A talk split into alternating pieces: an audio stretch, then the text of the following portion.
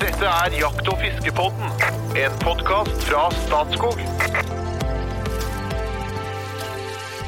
Hør en vakker trøndersk dialekt og kjenner at det bruser i kroppen, fordi fredag betyr ny episode i Jakt- og fiskepodden. Og brusinga handler selvfølgelig ikke om denne beskjedne programlederen. Nei, forventningene til høstens jaktopplevelser bobler nesten over, nå som sommeren så smått begynner å slippe taket i store deler av landet. Og de beste i verden til å veilede oss andre inn i all høstens vakre eventyr, er jo mine to klipper i Jakt- og fiskebåten. De er som fyrlykter som lar verdens mange prøvelser bare prelle av, og de loser oss andre trygt inn til det viktigste i livet, nemlig jakt og fiske. Hjertelig velkommen til deg, støkkjeger og bluesgitarist Espen Farstad. Takk, takk. Og et like hjertelig velkommen til deg, Innlandets store sønn, professor in spe, doktor Bresjeberget. Takk, takk. Nå var det voldsomt. Og for ordens skyld, jeg heter da Trond Gunnar Skinstad. Jeg får eh, betalt som eh, kaptein, men har status som eh, bussegutt egentlig i podkasten. Egentlig så syns jeg jo hele podkasten er en eneste stor fyrlykt som bringer folk trygt i havn, men hva syns du om innledninga i dag, karer? Tar du til nye høgder nå? Jeg syns du begynner å få dreisen på det. Det er sving. Men Lytterne lurer selvfølgelig på hva vi egentlig driver med, og hva vi skal snakke om i dag, men det kommer vel. Ja, for jeg er faktisk ikke ferdig med å introdusere eh, gjengen i studio ennå. I dag har vi faktisk med oss en kollega fra Fjellstyresambandet, Torgeir Lande. Hjertelig velkommen til deg. Ja, tusen takk. Nå skal jeg gi deg en skikkelig vanskelig oppgave til å begynne med. Greier du å komprimere noen hundre års historie inn i et par minutter? Vil si, se litt om fjellstyrene og Fjellstyresambandet i Norge. Ja, det er vanskelig. Hvis folk spør meg hva jeg jobber med, så pleier jeg å si ja, har du en halvtime, så skal jeg forklare det. Uh, nei, fjellstyrene uh, Historia er lang, men uh, vi kan ta kortversjonen. Uh, det er jo mye statsgrunn, og en del av den statsgrunnen er statssammenheng, der rettigheter til jakt, fiske, beite, setring administreres lokalt av et lokalt uh, fjellstyre som oppnevnes av kommunestyret. Og uh, det er 93 sånne fjellstyrer i Norge. Og jeg jobber jo for en interesseorganisasjon for alle de her 93 fjellstyrene. Og jobber stort sett med, med jakt og fiske i hovedsak. Ja. Hvilken bakgrunn har du? Jeg er biolog. I sin tid så tok jeg hovedfag på rype, selvfølgelig. Ah, fjellets eh, engel. Så det var, det var fine tider det, når jeg drev med det og tusla rundt i fjellene i Meråker og målte uh, energiforbruket hos rypa ute i felt. mm. Ja, for du har jo fantastisk fin dialekt. Ja, ja, ja, selvfølgelig. fra, midten, fra midten av Norge. Jeg er ikke fra. Meråker, men jeg er fra, jeg er fra Trondheim. Så Ja, har eh, alle mine studier og barndomsår der. Trøndelag er innafor. Det er indrefileten av Norge, det har vi slått fast ganske mange ganger. Men Til det kjedsommelige. Å, det, det greier de! Jeg lurer på hvor lenge jeg kan holde på. Jeg trodde den hadde lutes igjen, Espen. Men jeg hadde ikke. Nei, det var Men nå, var midt i en gjesp, det var det tok litt tid. Ja. eh, nå, nå sitter jeg faktisk titusener av spente jegere som lurer på hva de kan forvente i skogen og i fjellet nå i høst. For dette varierer fra år til år, og de vet ikke hva de kan forvente før de får beskjed fra ja, ganske mange forskjellige, da. Men Statskog, eh, fjellstyrene, Fefo er jo blant de største, da. Dagens episode, da skal vi gi de ferskeste tallene som finnes etter rypetellinga og skogsfugltellinga i store deler av Norges land. Og Jo Inge og Torgeir, dere sitter rett og slett på fasiten, er ikke det sånn? Ja, eller vi har i hvert fall et ganske greit bilde på hvordan hestene ser ut. Det vil jeg påstå. Men du, før vi starter, rype- og skogsfortellinga. Kan ikke en av dere si litt sånn konkret om hvordan foregår det, og hvorfor er det så viktig? Ja, skal jeg begynne, eller? Start. Det er- Ja, ja. Du har Eh, doktorgrad, vet du, han har hovedfag, så du har forrang her nå. Nei, nei, men det er klart det er en del av forvaltningen vår, da. Og det er jo noe med å, å følge med trender over tid. Og så er vi interessert i å så se hestens fugler eh, Hestens stamfuglbestand varierer over tid, man går opp eller ned, og ikke minst årets produksjon. Og det er jo jegere interessert i òg. Og det fungerer slik at vi har vi takserer et eh, område, to, vi kan jo ikke taksere alt, men vi takserer et område som er representativt, da, helst, da, for, eh, for et litt større jaktområde. Legger ut linjer der, rette linjer. Eh, bruker en metodikk som heter distance, som er velprøvd over hele verden på mange forskjellige arter. Og fungerer bra på ryper som trøkker godt for hunden. Så legger ut, legger ut rette linjer, typisk fire kilometer lange, med 500 meters mellomrom. Og så avsøker vi de at vi går rett på linja, og bruker en fuglehund til å avsøke den linja. Og teller da voksenfugl og kyllinger, og så har du da et, eh, beregner et areal du har dekket, og får da eh, en tetthet da, per kvadratkilometer ut ifra det. Det er vel kortversjonen. Mm. Men, eh, Litt enklere på ryper enn på skogsfugl, skogsfugl. Ja, det er litt enklere på ryper enn skogsfugl, da. For eh, skogsfugl, eh, det å gå rette linjer i skog, eh, er litt mer krevende enn i fjellet, og skogsfuglen trøkker ikke så bra som, eh, som rypen gjør. Så at en voksen ærane eller en fjørane, den trøkker ikke så bra som en rype, og kølla er lettere å finne enn en enslig fugl. Men det fungerer der òg, og du kan sammenligne deg mellom områder. Så vi bruker distance i skog òg, da. Mm. Jeg må kanskje si at det er hovedsak på lirypen, bruker jeg. På fjellrypa den trykker jo ikke så mye, så mye vanskeligere å få til noe god taksering på den. Og nå, Mm. De holder på å prøve ut andre metoder for taksering òg, med sånne lyttestasjoner som de plasserer ut for å høre hvor mye, mye fugler de hører spille og sånn. Men eh, det er helt på forsøksstadiet. Men det er spennende, mye spennende som skjer. Mm. Og dessverre så veit vi lite om fjellrype, da, så det er jo som Torgeir sa, det er jo lirype. Eh, Hvis ikke jeg sa det er eh, lirype takserer som trøkker fra hunder, mens fjellrype da heller seg jo stort sett lenger opp og eh, er fryktelig vanskelig å taksere med hund. Svensker gjør det jo, med å trekke sine lirypeområder litt lenger opp i fjellet, men da ser fjellene litt annerledes ut enn det vår, våre gjør, som regel, da. Mm. Så, så fjellrype veit vi lite om, og som Torgeir sa, det tester med lyttestasjoner. Fryktelig vanskelig, så det er jo det er ingen quick fix, og de er jo ikke mål ennå. Men eh, jeg håper, det er jo én ting, jeg håper de lykkes. Ellers så det, har vi òg kjørt lyttetakseringer, da, altså type spilltaksering på våren, lyttetakseringer. Så Spennende stegger på våren. Men det er jo vanskelig og tidkrevende. Mm. Hvis jeg husker rett, så har du nevnt en gang at uh, vi, har, vi har en viss indikasjon likevel, fordi at vi har fra internasjonal litteratur at uh, fjellrypa og lirypa samvarierer til en viss grad. Ja, og det ser vi jo på fangststatistikken. Vi må jo anta at jegere òg klarer å se forskjell på li og fjellrype. Det er nok ikke alle som klarer det, men vi må jo anta at jegere klarer det, da. Og da ser vi at det er en veldig god samvariasjon mellom li og fjellrype på det som blir felt. Og den har vært i faktisk, eh, Hvis du ser på fangststatistikken, så har den faktisk vært bedre med de siste åra, en samvariasjon. Men at fjellrype kanskje svinger på et litt høyere nivå, da. At du har litt mer fjellrypeland. Ja, Hvilke forventninger har du til det, som kommer nå, Espen? Nei, Nå er jeg veldig spent, for nå skal vi få liksom høre litt hvordan ser eh, høsten ut i Jakt-Norge når det gjelder rype og til dels også skogsfugl. Men jeg har lyst til å bare skyte inn aller først, da, sånn sett fra jegernes ståsted. Eh, Utgangspunktet er jo slik at vi skal høste av et overskudd. Og så forvalter vi en art som rype som, er, som har så store endringer fra år til år. Det går dårlige år og, og gode år om hverandre, ikke sant. Og i dårlige år så er folk raskt ute og sier nå må vi frede rypa, ikke sant. Og det er litt sånn lettvint-løsninger. Det som disse gutta her nå skal snakke om, er et grundig og omfattende arbeid som gjøres i forkant av jakta for å sikre at rettighetshaverne, som de er representanter for, eh, kan veilede jegerne til å gå ut og jakte med god samvittighet. For da vet vi at vi høster av et overskudd. Vi tærer ikke på bestanden, vi har altså estimert bestanden i området, og så sier vi at vi tåler å ta ut så og så mye, og så setter man kvoter deretter, i prinsippet. Og dette er, dette er noe som, som vi som jegere er kjempefornøyd med, selvfølgelig, at vi har klart å få til dette i et etablert form rundt denne hønsefuglportalen.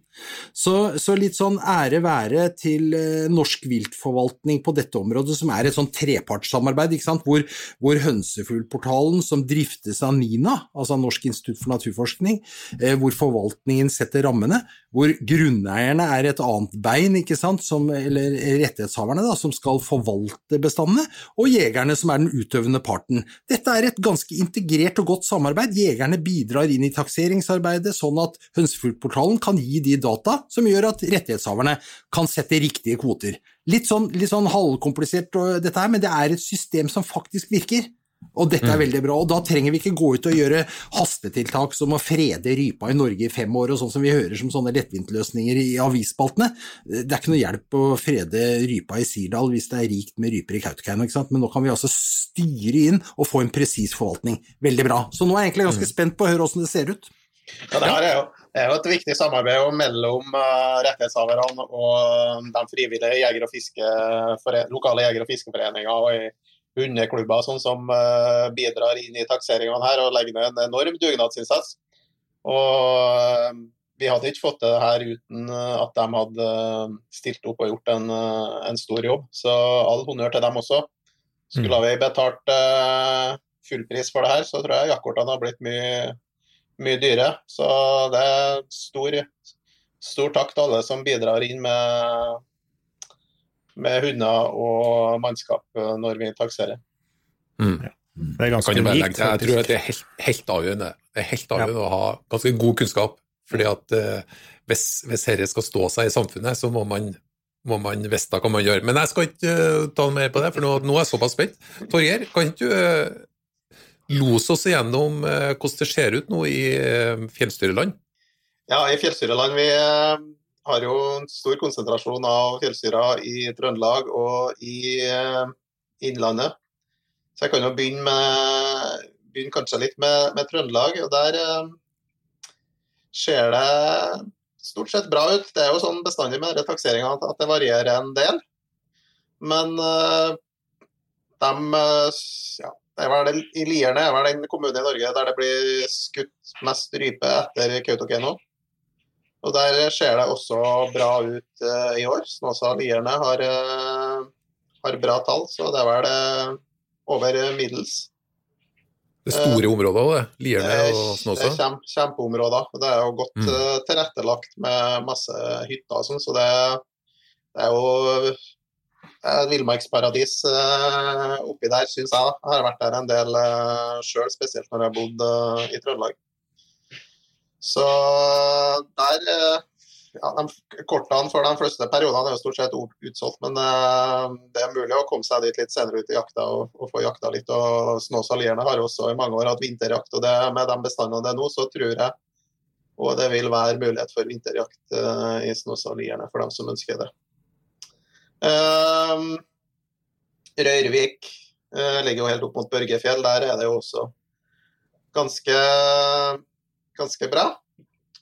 Uh, litt mer ut på kysten, uh, Åfjord og Osen, der uh, er det ikke riktig så bra. Det er litt sånn middels, uh, middels år.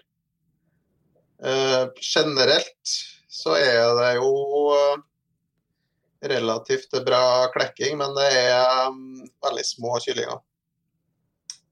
Men jeg tror ikke det er noe det er ikke noe problem at du i, i jakta opplever kyllinger som er så små at de ikke kan fly, eller noe sånt. men de er antakeligvis klekt litt senere enn vanlig. Da. Det er en litt sen, uh, sen vår. Tror du det er sen egglegging eller omlegging? Jeg tror det er sen egglegging, ja. Ikke så mye omlegging, for da har vi òg villet sett noen veldig store, fine kull, og noen, eller kull med, med store, fine kyllinger, og noen kull med, med små kyllinger. Men uh, her er det stort sett jevnt over litt mindre kyllinger enn vanlig. Mm. Så indre strøk Trøndelag, uh, i hvert fall nord i Trøndelag, ser det bra ut. Ytre Ja. ikke fullt så bra, men ikke dårlig. Sånn, sånn generelt. Uh, Namsskogene, der er det litt dårligere enn de forventa. Det er store forskjeller også innad i de forskjellige terrengene der. Eh, så hva som har skjedd der, vet ikke jeg. Men eh, Mhm.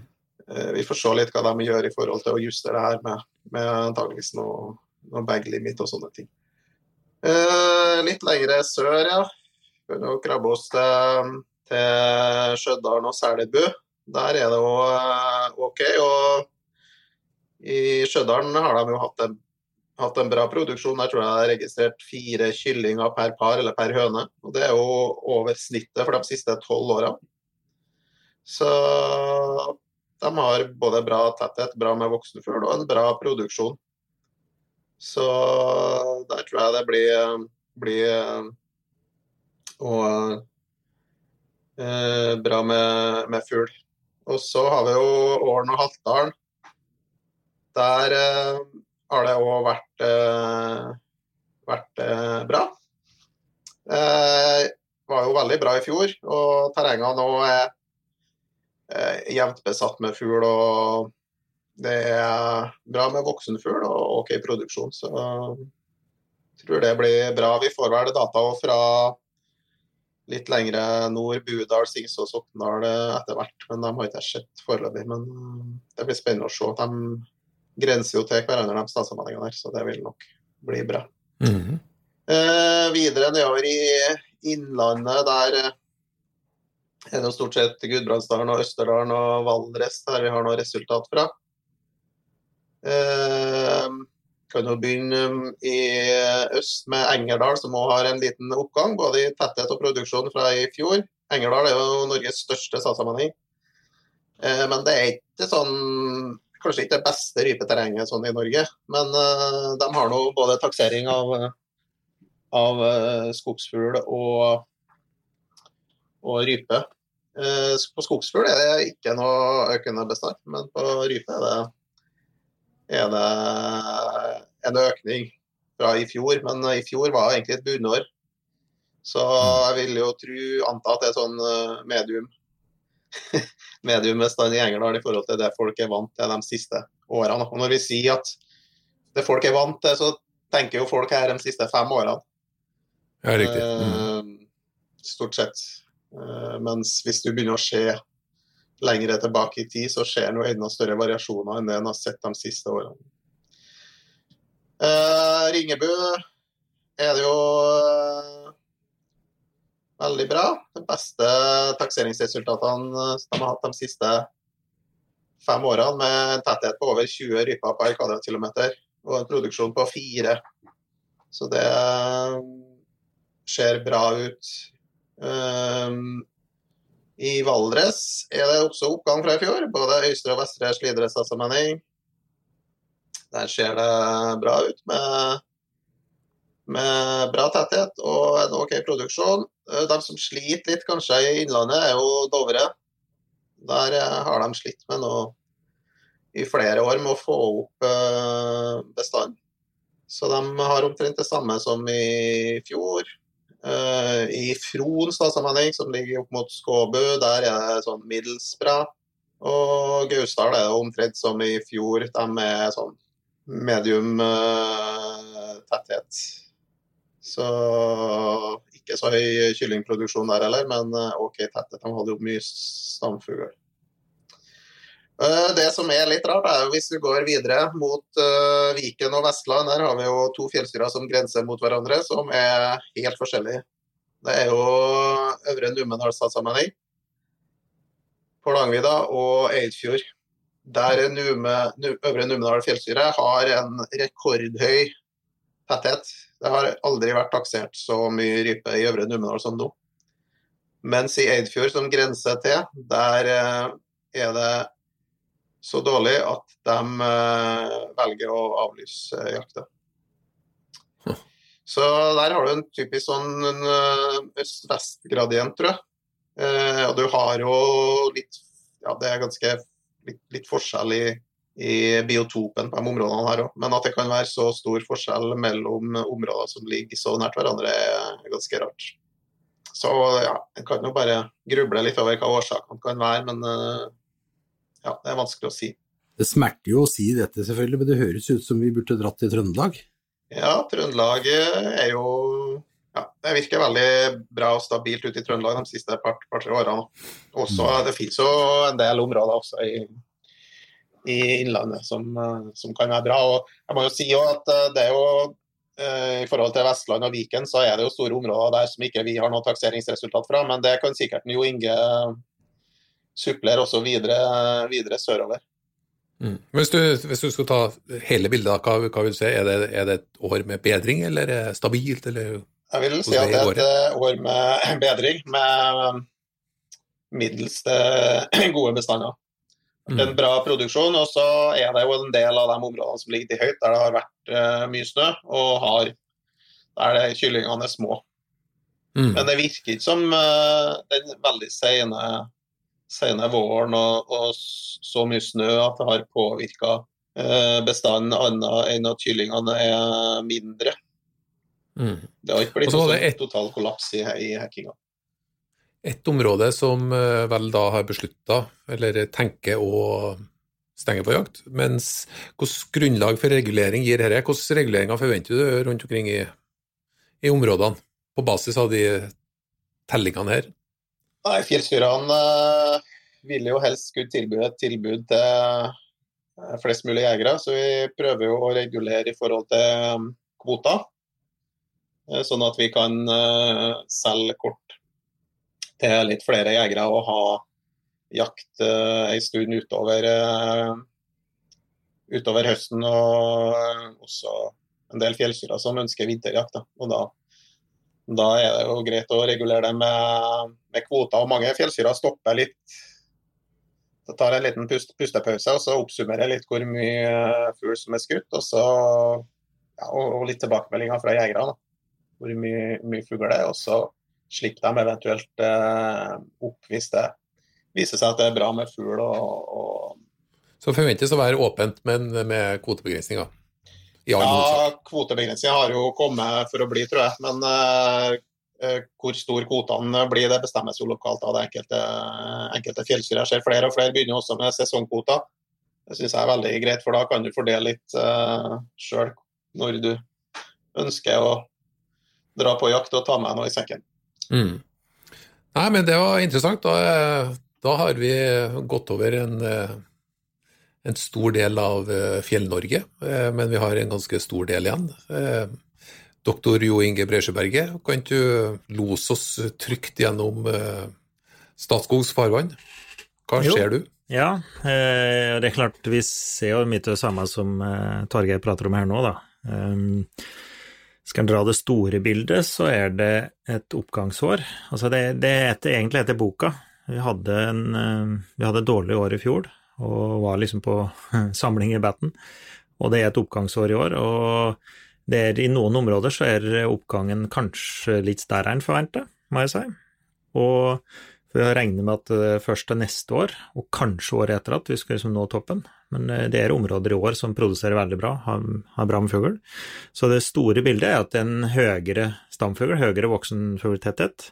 Men det er kanskje, selv om det er et oppgangsår, så er det kanskje noe lavere kyllingproduksjon enn forventet, selv i et oppgangsår. Så at eh, vi ser effekter av sein vinter i nord, det gjør vi. Eh, og som Torgeir var inne på her, at det er sent fødte kyllinger, da, små kyllinger. Vi har òg noe omlegging på våre områder, men i all hovedsak så er det at de er født sent, da, som er litt små. Mens i mine trakter, da, på eh, lenger sør, så er det jo motsatt. Det var det tidlig vår, og skogsgården gønner på og fikk eh, kyllinger litt tidligere enn normalt. Født tidligere enn normalt, og nå på taksten så er de stærere enn normalt. Det er veldig gledelig. Eh, I det store bildet, da, så så er det tydelig at eh, i, vi helt i nord, i Troms, er litt preget av veldig sein eh, vår, sen sein smelting. Vi har litt økning på stamfugl, har økning på tetthet, men har låg kyllingproduksjon. Så indre deler av Troms er fortsatt eh, preget av det, da. Har en låg kyllingproduksjon, men har en grei tetthet. Det vil si da typer rundt 15 ryper per kvadratkilometer, men en kyllingproduksjon som er under 2,5. Altså under 2,5 det er lavt. Ja, Over det er 2,5 det, det er Eh, Hva er du- høyt? Eh, du, eh, for å balansere bestanden, så må du ha ca. 2,5 kylling per par. Da. Det er såpass høy dødelighet, over 50% omsetning. Så at, eh, du må ha 2,5 for å balansere, ca. Og det er klart, eh, når du er under det, så, så er det forholdsvis dårlig produksjon, da. De har jo mulighet til å få mange kyllinger, og du bør jo være over 2,5, da. Og det er vi ikke i Indre Troms i år. Eh, Der er det noe likere på kysten, i ytre strøk høyere produksjon eh, og grei tetthet. Og så er det så, så de ytre strøkene i Troms er noe likere enn indre strøk. Og det, det ser vi tydelig. Det er liksom typen nærmest skille ved E6-en. Altså eh, ytre og indre strøk, ofte forskjeller. Og det kan være bra på indre strøk og dårlig på ytre, og motsatt. Men generelt så er det litt bedre på ytre strøk i Troms. Og det er det i år òg. Kommer ned i Salten, så er det samme. Vi takser både i nord og sør og midt og ytre i Salten òg. Det er samme der. Og der er det faktisk midtre deler av Salten som har litt dårligere kyllingproduksjon. Det er nok, er nok det samme mønsteret vi ser der som i indre Troms sein vår og eh, sein klekking, og at det er en del som har blitt predatert rett og slett. Ikke har klart seg. Eh, men der er det òg oppgangsår. Så det generelle bildet er at det er oppgangsår og, og bedre tettheter enn men som ligger litt over normalen. da. Mens her har vi veldig mye fjellrypeland, så det generelle bildet er at det, det er ikke de høye tettheter som vi opplever i Trøndelag eller i Innlandet, f.eks. Så når du er på Saltfjellet og har tettheter på 10-15, så er det bra med fugl der. Mm, generelt. Og litt mer blandingsbestander med li og fjellrype.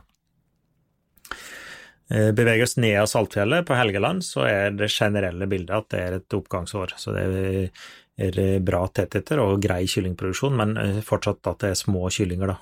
Og da prater vi tettheter på 15-25 ryper per kvadratkilometer, som da er de fleste vil oppleve som eh, OK tettheter, da. Middels pluss. Mm. Mm. Og har kyllingproduksjoner der som er høyere da enn i Troms, f.eks. Så det har, gått, det har gått bedre på Helgeland enn i deler av Salten og Troms. Så generelt bilde, for Statskog har jo mye, uh, mye jakt i Nordland og Troms. Det generelle mm. bildet er et oppgangsår, men ja. kunne ha vært bedre tall i Indre Troms og Midtre Salten. Ja, vi hadde høye litt... forventninger. ja. ja. Så det var bra med stamfugl, og så, så har ikke da produksjonen helt til, da. Så vi hadde egentlig mm. håp om at det skulle bli enda bedre. Og nå er jeg litt spent, fordi at i fjor så stengte Statskog 90 av eh, områdene i Sør-Norge mm. etter eh, takseringsresultatene. Hva sier eh, årets tall? Nei, det er jo heldigvis, da, så er det en gledelig økning. Egentlig hele veien. Og det var jo desidert dårligst lengst øst i fjor. Altså i Trysil og deler av Røros så var det skikkelig dårlig. Og det der er det, det er oppgang der, og der er kanskje de områdene der vi har eh, Altså, vi mangler ett år til da, for å nå, nå opp. Ett til to år til. Så der er det ikke de helt høye tettheter, men det er fortsatt oppgang, og det er en bra kyllingproduksjon. Så vi får et, får et oppgangsår, både på Røros og i Trysil. Men kommer vi lenger vest, så, så, er, så ser det jo faktisk, eh, faktisk bra ut. Og vi har høye tettheter. Og vi har områder på på da, som har klart seg bra og gønnet til, eh, som har høyere tettheter enn det vi opplever på ryper eh, lenger nord, f.eks. Og selv i Njardarheim så er det et oppgangsår i år. Vi stengte jo hele Njardarheim i fjor og har oppgangsår i år av høye tettheter. Men allikevel en beskjeden kyllingproduksjon. Det tror vi òg skyldes sein, ja, sein snøsmelting. Det var jo bra med snø langt ut i juli i, i Njardarheim. Så det er litt i bildet der, og det er et eh, Ja, du har nevnt Øvre Numedal fjellstyre. Vi ser jo det Finnemarka Sølvverket opplever eh, høye tettheter på, på skogsugl i år. Veldig høye tettheter. Hva, hva, hva er høyt der? Nei, tallenes tale er jo klar, vi legger uttale, så det er jo ikke noe hemmelighet. Men eh, da Finnemarka, vi prater om 35 skogsfugl per kvadratkilometer, og 38 eller noe på Sølvverket. Og vi har fått beregne de tallene to-tre ganger for å kvalitetssikre dem og se at det faktisk stemmer. Det er, eh, det er veldig hyggelige tall, for å si det pent. Så det er oppgangsår, og det mangler fortsatt litt i de østre strøka. Det er vel det som er, liksom er hovedtrenden. Ellers er det Vi er på rett vei. Det går faktisk bra. Og det er et betydelig oppgangsår i hele Sør-Norge òg. Litt usikker på om du fremhever Trøndelag tilstrekkelig? Nei, det er ikke sikkert jeg gjorde det. Eh, Røros, som sagt, så er det fortsatt oppgangsår, men det var veldig dårlig, et veldig dårlig år på Røros i fjor. Eh, Bangdalen, Klinga, eh, området der, har betydelig oppgangsår. Vi prater om tettheter på 15 skogshjul per kvadratkilometer. De fleste vil synes det er veldig ålreit. Det er mange rypeområder i Norge som ikke er oppe i nærheten av det samme, altså har litt forskjellig strategi og litt forskjellig antall barn. Så det er en veldig grei tetthet. Eh, på Dovre, det nevnte jo Torgeir litt her, eh, der har jo ikke produsert de tettheter som, som vanligvis er, og der har vi faktisk ikke fått lov til å taksere i år. Så Nasjonalparkstyret det er for mye ferdsel på Dovre, og takseringa Vi stiller spørsmålstegn om det er nødvendig å taksere, så vi har en disputt gående der. Og vi har faktisk ikke fått lov til å taksere på Kongsvoll i det hele tatt i år. Okay. Så det kan ikke si noen ting, faktisk. Ja, Espen, nå har du fått et lite bilde. Det her må være søt musikk. Ja, det er veldig hyggelig å høre at vi har eh, jevnt over oppgang eh, over hele linja, med kanskje noen få unntak. da. Eh, Eidfjord ble jo nevnt som et område, og der tar man jo grep og stenger. Fair enough, det, vi lever med det. Men det er veldig hyggelig å, å, å se at det er oppgang, og det betyr jo at vi som er jegere kan gå høsten litt sånn lyst i møte de fleste steder. Vi forholder oss selvfølgelig til de kvotene som blir satt, ut fra det som har, vi, vi har fått en gjennomgang av nå. Eh, og personlig så har jeg eh, tenkt meg eh, på skogsfugl i øst innover i Trysil-traktene. Jeg skjønner at jeg burde ha dratt til Kongsberg, men sånn er det. det. Jeg skal ikke løpe etter de der tettighetene, det ønsker jeg egentlig heller ikke. Altså, jeg, det er en glede å kunne jakte eh, i områder som man er litt kjent, og, og, og gå på de samme områdene og så egentlig ta gode år med dårlige år. Det er litt av gamet, det også. Men eh, Jo Inge, du, eh, nå skal jeg vokte meg vel for å be deg om å gjennomgå doktorgraden din, men eh, for så god tid har vi ikke. Men du, det, det, finnes en, det finnes jo en måte som man går fra takseringsresultat til regulering. Hvordan regulering kan vi forvente oss hos Statskog? Det er sikkert alt er ferdig ennå, det vet ikke jeg, men sånn i grove trekk. Nei, vi jobber, vi jobber med det nå, da. Eh, Og vi har valgt oss å sette ei, ei øvre kvote, maksimal grense, for her vi kan felle på, på Statskogs grunn.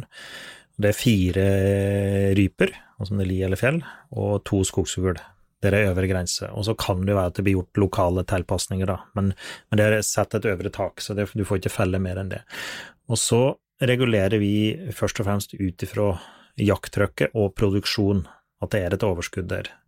Så i den grad jakttrykket, eh, antall jaktdager og uttaket er for høyt over tid, så regulerer vi ned antallet dager som slippes til i det enkelte området.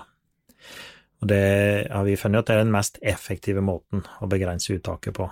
Så det betyr, selv om det er gode tettheter i noen skogsfuglområder nå, så betyr ikke at vi setter på flere felk til å jakte der. Da er det fortsatt en antallsbegrensning av hvem som kan slippe til per dag der. Det er fortsatt en lang sesong, så gjør vi jo eh, vurderinger ut ifra det. Det har vi funnet at det er det mest effektive, da.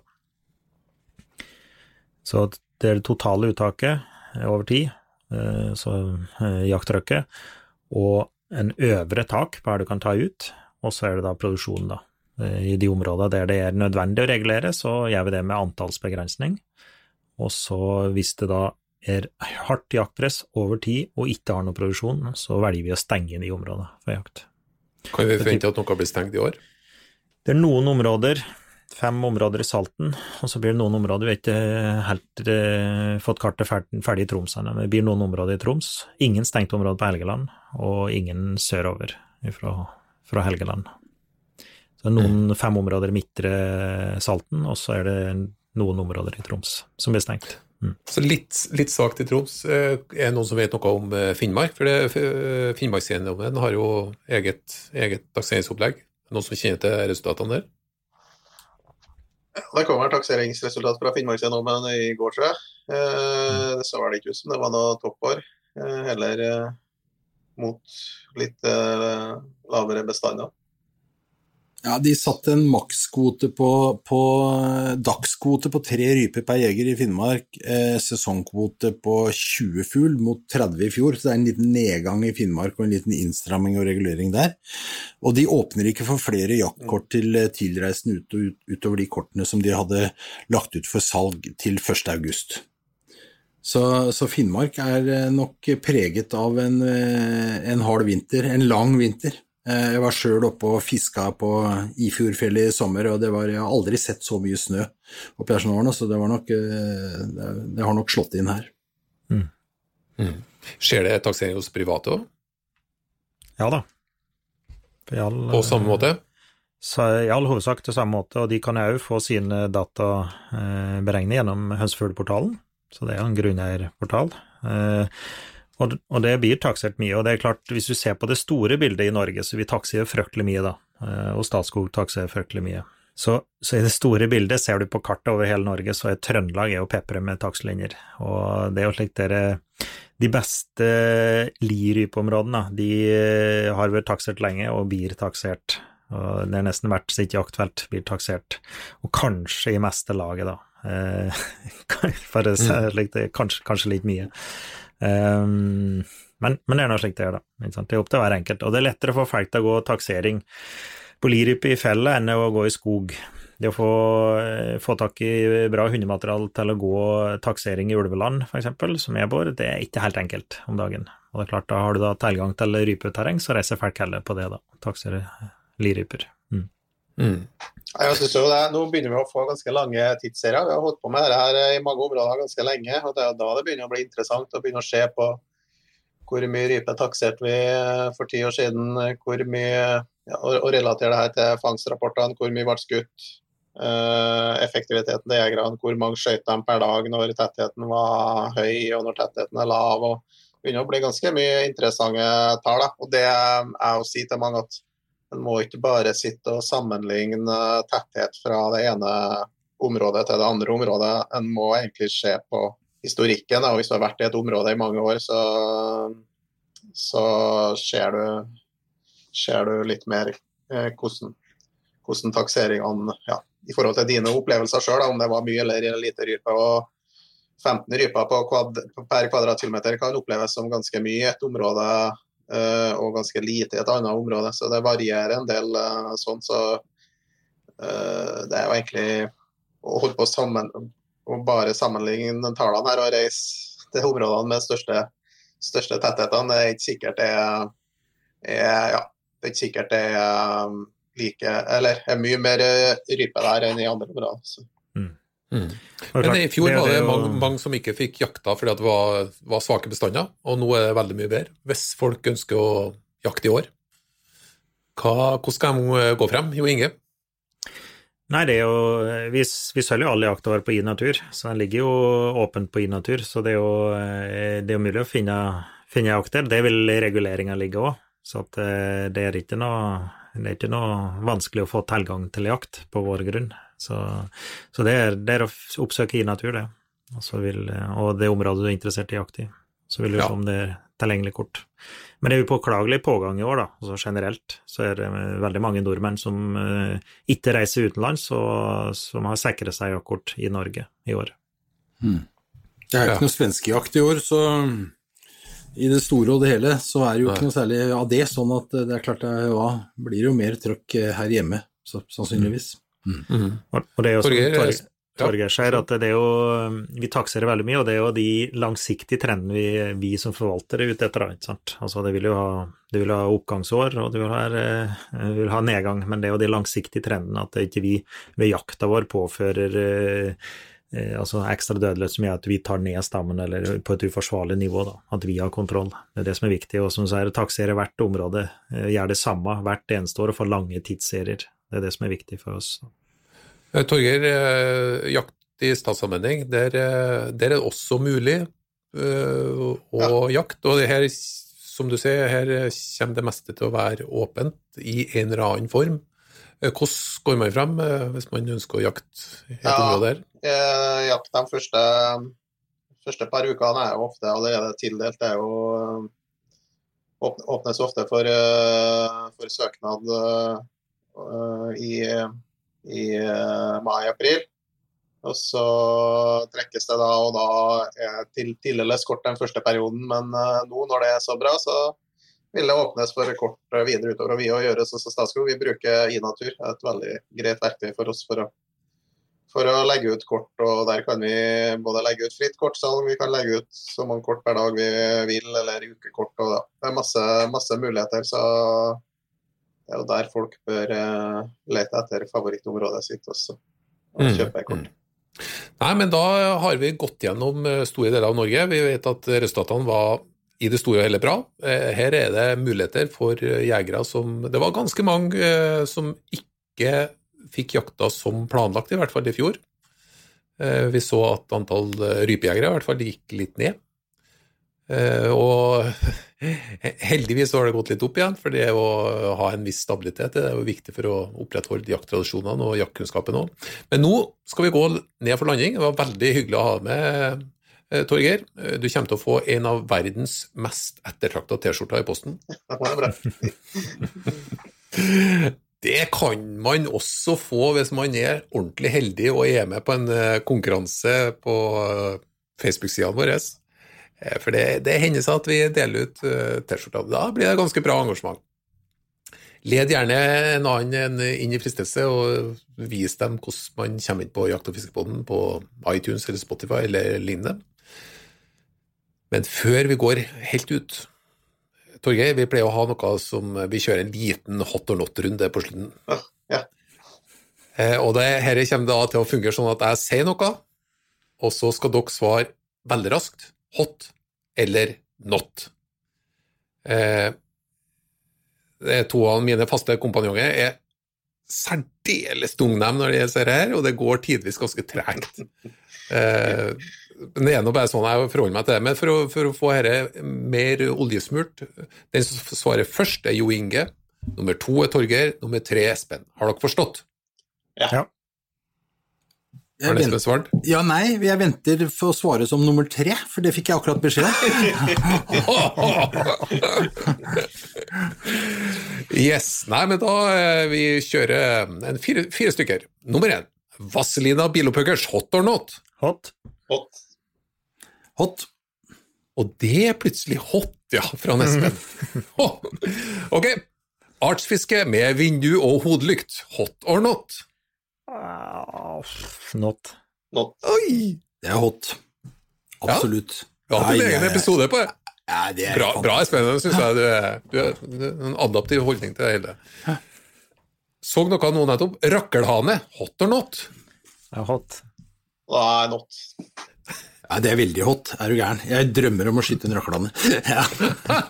Ja, det var god spredning, men da, for å være helt sikker på at vi eh, på den siste får en sånn en fellesskap der alle sammen er, er enige om at det er ordentlig, ordentlig hot, så da tar vi den siste. Det er omtalt i mange hymner i trønderrockens rikholdige katalog. Byfjellet Klumpen i Namsos. Hot or not? Hot. Ja, den var hot. Klumpen! Not! Det var hot for alle fra alle sammen ja, igjen. Kjempebra. Takk for laget. Vi er tilbake igjen neste fredag. Ha det godt.